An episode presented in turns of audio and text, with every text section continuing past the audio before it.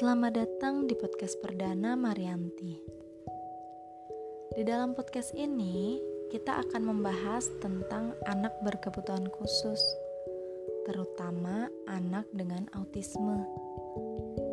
Kenapa saya memilih tema anak autisme? Karena mungkin di bidang ini saya memiliki banyak sekali cerita yang ingin saya bagikan, ingin saya ceritakan kepada teman-teman semua. namun sebelum itu, perkenalkan dulu, saya Marianti. Saya adalah sebuah karyawan swasta dari rumah terapi dan sekarang sedang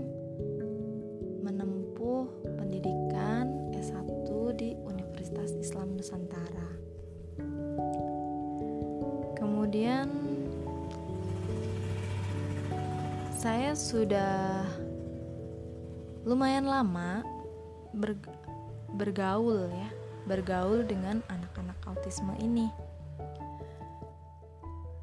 Terhitung sejak 2016 berarti sudah lima tahun ya sudah lima tahun saya menjadi terapis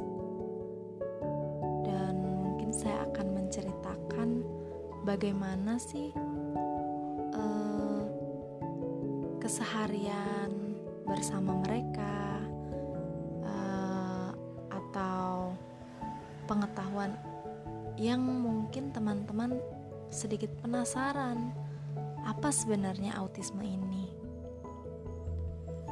Untuk pengertian untuk pengertian siapa sih anak autisme itu? Yang seperti apa sih? Mungkin teman-teman bisa Google ya. Di sana sekarang ini zaman sudah canggih, banyak sekali pengertian-pengertian yang akan muncul di search engine itu. Apa sebenarnya autisme? Apa yang terjadi dengan anak autisme? Mungkin kalau teman-teman yang masih awam dengan anak autisme,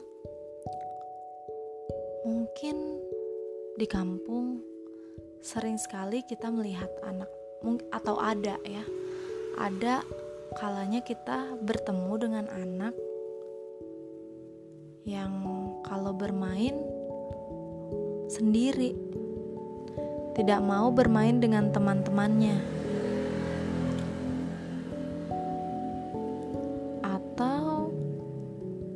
belum bisa bicara sampai usia tertentu, yang di mana teman-temannya sudah bisa menyanyi, sudah bisa membaca, sudah bisa merengek, ingin dibelikan makanan atau min uh, minuman atau berebut mainan. Tapi anak itu belum bisa.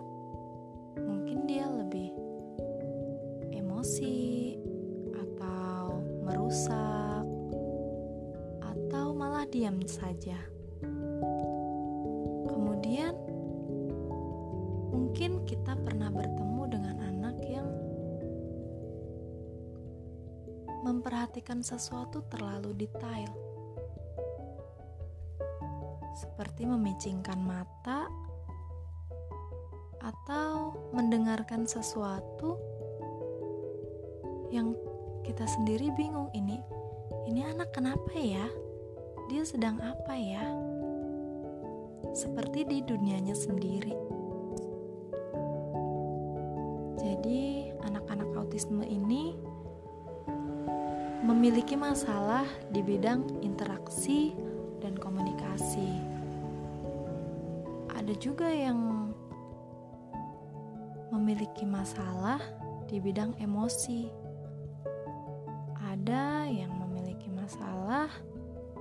Bidang akademik. Dan ini semua tidak bisa kita langsung judge, oh anak ini autis.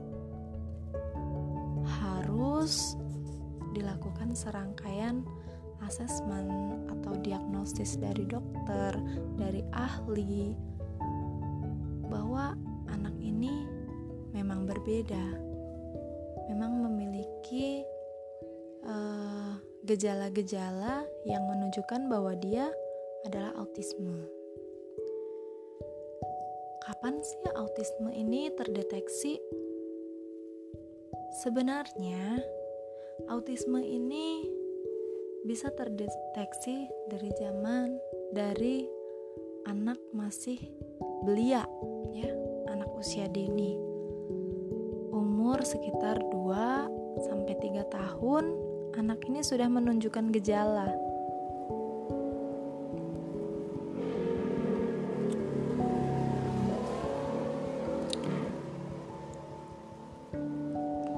Gejalanya yaitu anak terlambat pada usia perkembangannya itu misalnya teman-temannya sudah bisa berjalan anaknya masih belum bisa berjalan. Anak sudah bisa berbicara anak lain yang sudah bisa berbicara anak ini belum. Kemudian sulit sekali untuk beradaptasi dengan lingkungan-lingkungan dan yang pertama sekali yang jelas sekali terlihat adalah kontak matanya. Anak dengan autisme itu sulit sekali untuk melakukan kontak mata, melihat mata orang lain. Itu sulit sekali untuk mereka. Kemudian, kenapa anak autisme ini baru terdeteksi usia 2 sampai 3 tahun. Karena di usia itu kalau misalnya masih satu tahun memang anak satu tahun uh, ada yang sudah bicara tapi ada yang belum memang seperti itu jadi belum memenuhi proses perkembangannya. Tetapi kalau sudah dua tahun anak sudah ber, belum bisa berbicara, patut ditan, diberi tanda tanya nih. Kenapa ya? Harusnya kan sudah, tapi anaknya belum. Ini waspada. Ini uh, orang tua udah harus waspada kalau anaknya usia 2 tahun belum juga bisa bicara. Nah, Kemudian, siapa yang dapat mendeteksi anak autisme? kalau banyak orang menjawab dokter, dokter spesialis, maka saya jawab orang tua. Orang tua yang setiap hari bersama anak pasti akan tahu anaknya ini apakah memiliki keterlambatan jika dibandingkan dengan anak-anak yang lain, atau mungkin uh, dibandingkan dengan saudaranya, anaknya sedikit terlambat. Nah, harusnya orang tua sudah melihat perbedaan-perbedaan itu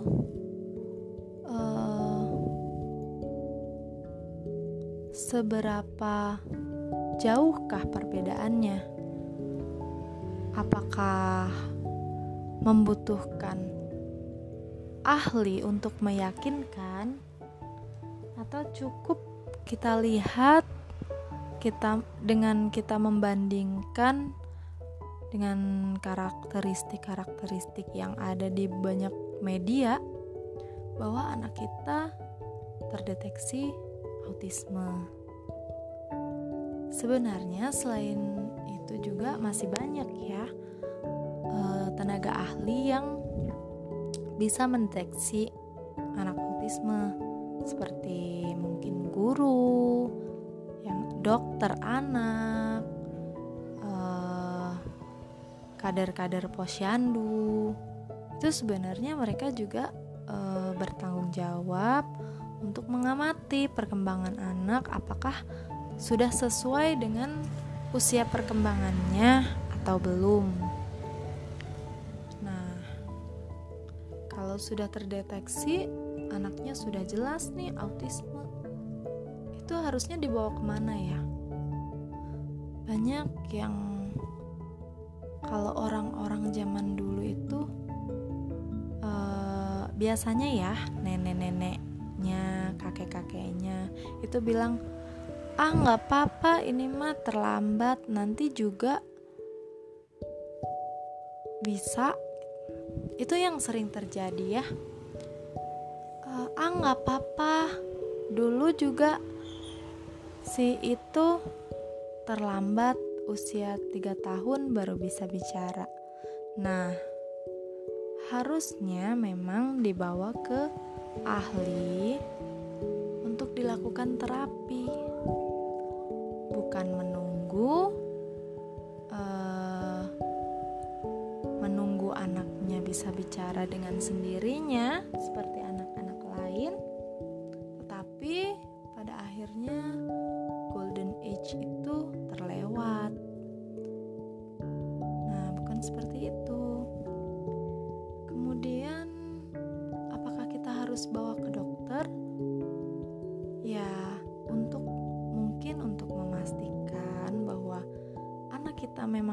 benar-benar terdiagnosa autisme, perlu ke dokter. Namun, sekarang ini banyak sekali dokter yang memang belum mengerti sebenarnya autisme itu apa. Dokter itu kebanyakan ya dikasih resep, resep obat. Sedangkan anak-anak autisme ini kan kita tidak tahu apakah bisa disembuhkan dengan obat atau tidak.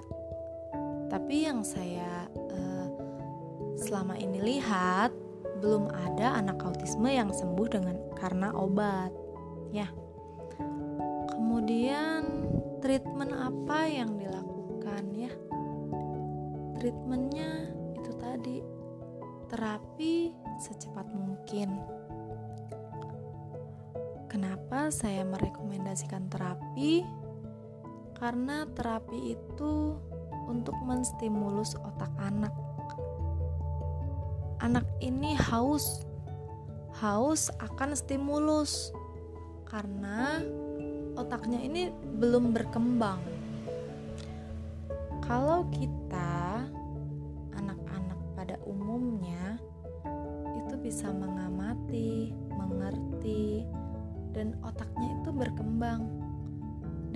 sendirinya ya, dengan stimulus-stimulus e, baik yang disengaja ataupun tidak disengaja itu otaknya berkembang pesat. Nah, sedangkan anak dengan autisme ini perkembangan otaknya relatif lambat.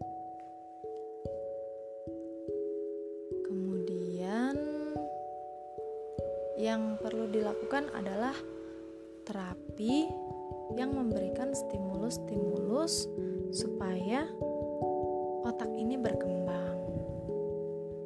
Eh, banyak sekali metode terapi yang bisa digunakan untuk uh, mentreatment anak-anak dengan autisme. Tentu dengan sisi positif dan masing-masing ya. Uh, selanjutnya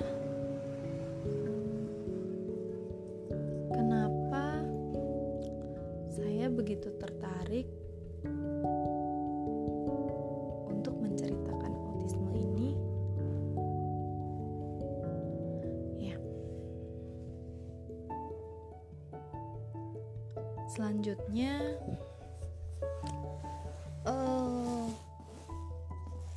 apakah anak autisme ini termasuk sulit ditangani atau mudah ditangani? Itu semua tergantung dengan kondisi si anak ya. Yang pertama kecerdasan anak. Yang mana itu sama dengan kita.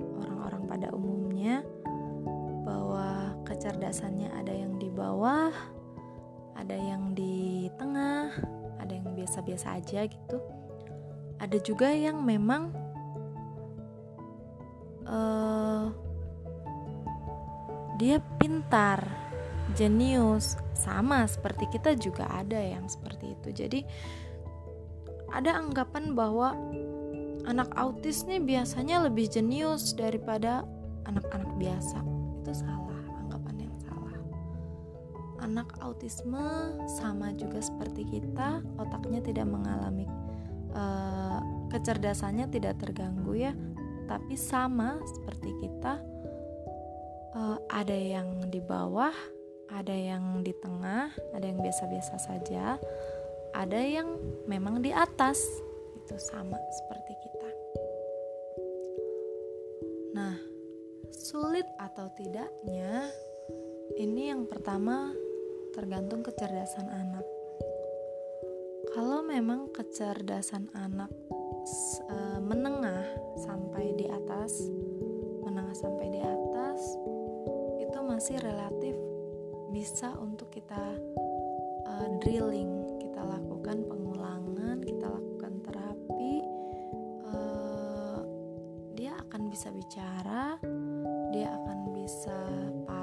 terhadap aturan ya mengerti tentang aturan-aturan sosial yang ada. Kemudian bisa melakukan uh, sesuatu sendiri dan mandiri. Itu bisa. Tetapi untuk anak-anak dengan kecerdasan yang di bawah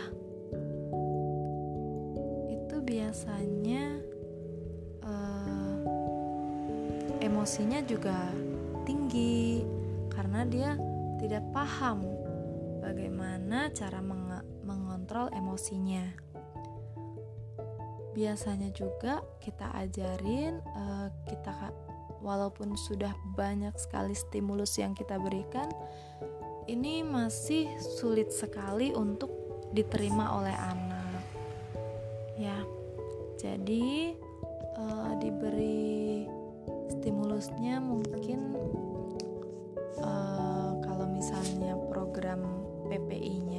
program individualnya itu yang paling sederhana. Uh, jadi uh, goalsnya juga bukan ke uh, tidak sama. Goalsnya tidak sama dengan anak-anak yang memang kecerdasannya di atas. Banyak orang tua yang menuntut bahwa kok anak saya belum bisa bicara ya? Sudah diterapi beberapa bulan kok belum bisa bicara ya? Ada orang tua yang seperti itu. Sedangkan ketika dia datang, anaknya sudah berusia lebih dari usia uh, golden age. Sudah usia di atas enam tahun Kemudian selama ini juga tidak dilakukan terapi apa pun, hanya menunggu uh, nanti juga anak saya bisa bicara. Uh, kemudian dia datang, uh, anaknya ini ketika pulang ke rumah tidak lagi di terapi ulang di rumah, tidak ada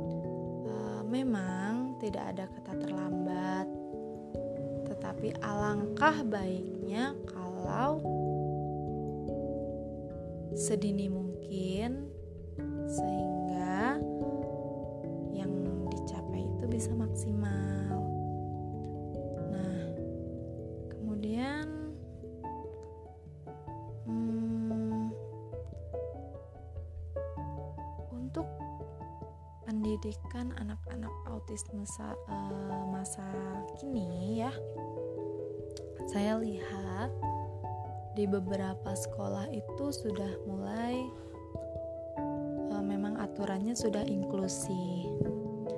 Jadi anak-anak yang anak-anak dengan autisme ini sudah boleh sekolah di sekolah umum. Tetapi apakah benar bisa uh, mensupport kebutuhan anak-anak autisme ini di sekolah. Uh, saya pernah berkunjung di sebuah sekolah, sekolah inklusi, di mana guru-gurunya ini belum paham bagaimana menghadapi anak autisme. Saya juga pernah uh, melihat di sekolah salah satu sekolah luar biasa gurunya pun tidak paham bagaimana menangani anak autisme dengan benar. Nah, di sini kita bisa lihat bahwa masih sedikit sekali orang-orang yang uh, mumpuni ya mulai dari uh, dokter, mungkin masyarakat umum yang awam atau bahkan tenaga pendidik yang masih uh, belum paham tentang autisme ini. Diagnosanya seperti apa, treatmentnya kemudian harus bagaimana, uh, orang tua siapa pun uh, dan di mana pun harus lebih jeli lagi untuk mengamati anaknya bahwa anaknya e, memiliki keterlambatan atau tidak. Kemudian untuk guru-gurunya juga harus belajar lagi penanganan untuk anak autisme bukan hanya penanganan tentang tantrum saja ya. Karena banyak sekali yang bertanya, e, Bumar cara nanganin tantrum anak autisme gimana? Padahal selain menangani tantrum itu ada banyak hal lain yang harus ditangani sehingga nanti anaknya juga bisa untuk uh, meredam tantrum itu sendiri. Ada banyak sekali eh, rangkaian-rangkaian uh, terapinya. Kemudian pesan dan harapan untuk pendidikan autisme ke depannya uh, itu harus uh, ada support memang support dari semua pihak bahwa anak autisme ini uh, memang harus disiapkan dulu sebelum ke sekolah ya. Karena uh, banyak sekali anak-anak autisme yang belum siap sekolah, namun orang tuanya e, memilih untuk menyekolahkan anaknya karena berbagai alasan, padahal anaknya belum mampu untuk sekolah. Ya, e, kemudian untuk pendidikan anak mungkin pemerintah harus lebih aware ya bahwa anak autisme ini sudah banyak sekali uh, jumlahnya di Indonesia atau di dunia sekarang ini sudah satu berbanding 75 di mana ada satu anak autisme di antara 75 uh, kelahiran.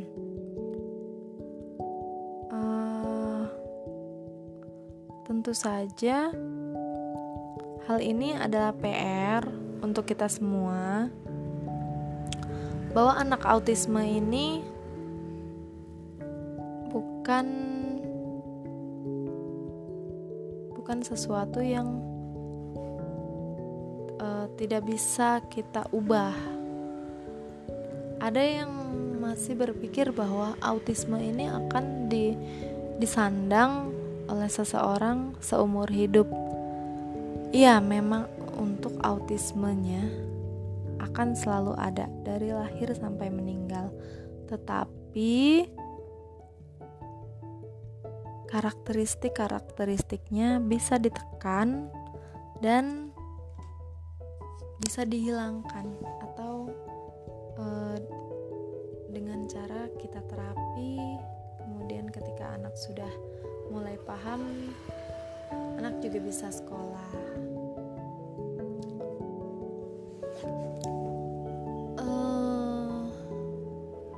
Mungkin itu ceri sedikit cerita yang bisa saya sampaikan.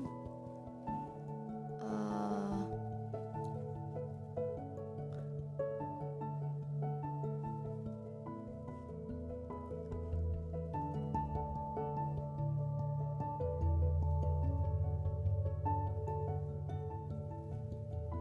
harapan saya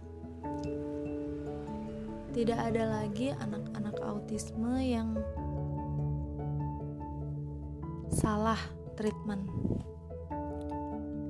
Banyak sekali kejadian anak autisme yang uh, salah treatment atau salah diagnosa sehingga dia mendapatkan treatment yang tidak seharusnya dia dapatkan atau harusnya dia uh, bisa sekolah di sekolah umum, tetapi malah masuk SLB seperti itu. Jadi uh,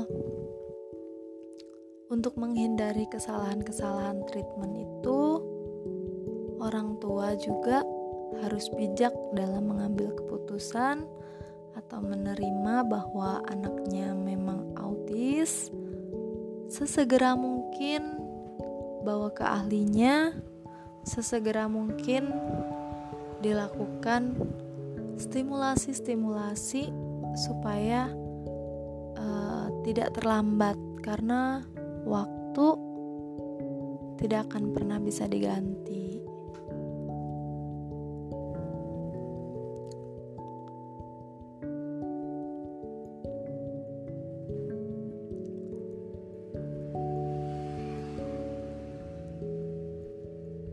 Selanjutnya, uh, kenapa saya tertarik di bidang autisme ini? Karena saya pernah berada dalam suatu acara dan di situ ada beberapa anak berkebutuhan khusus. Uh, dulu saya belum belum tertarik ya Cuma uh, pada saat acara itu di sebuah ruangan ada anak berkebutuhan khusus uh, banyak ya, banyak anak berkebutuhan khusus.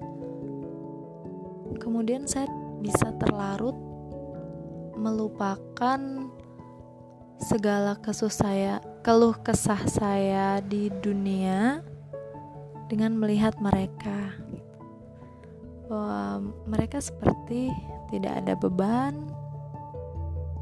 dan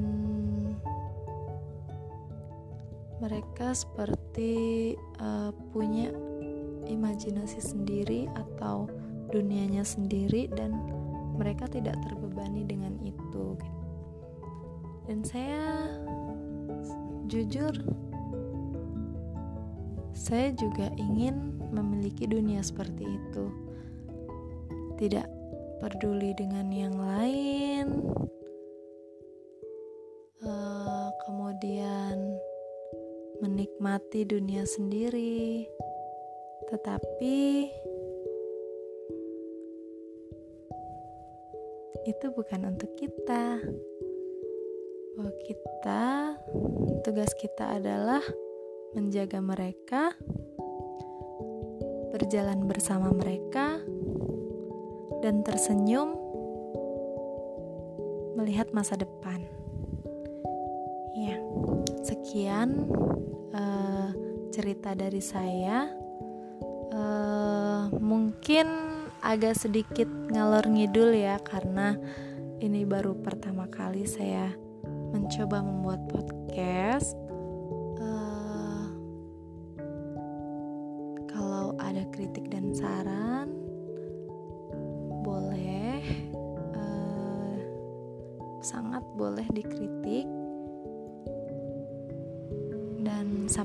Jumpa di podcast berikutnya. Good night.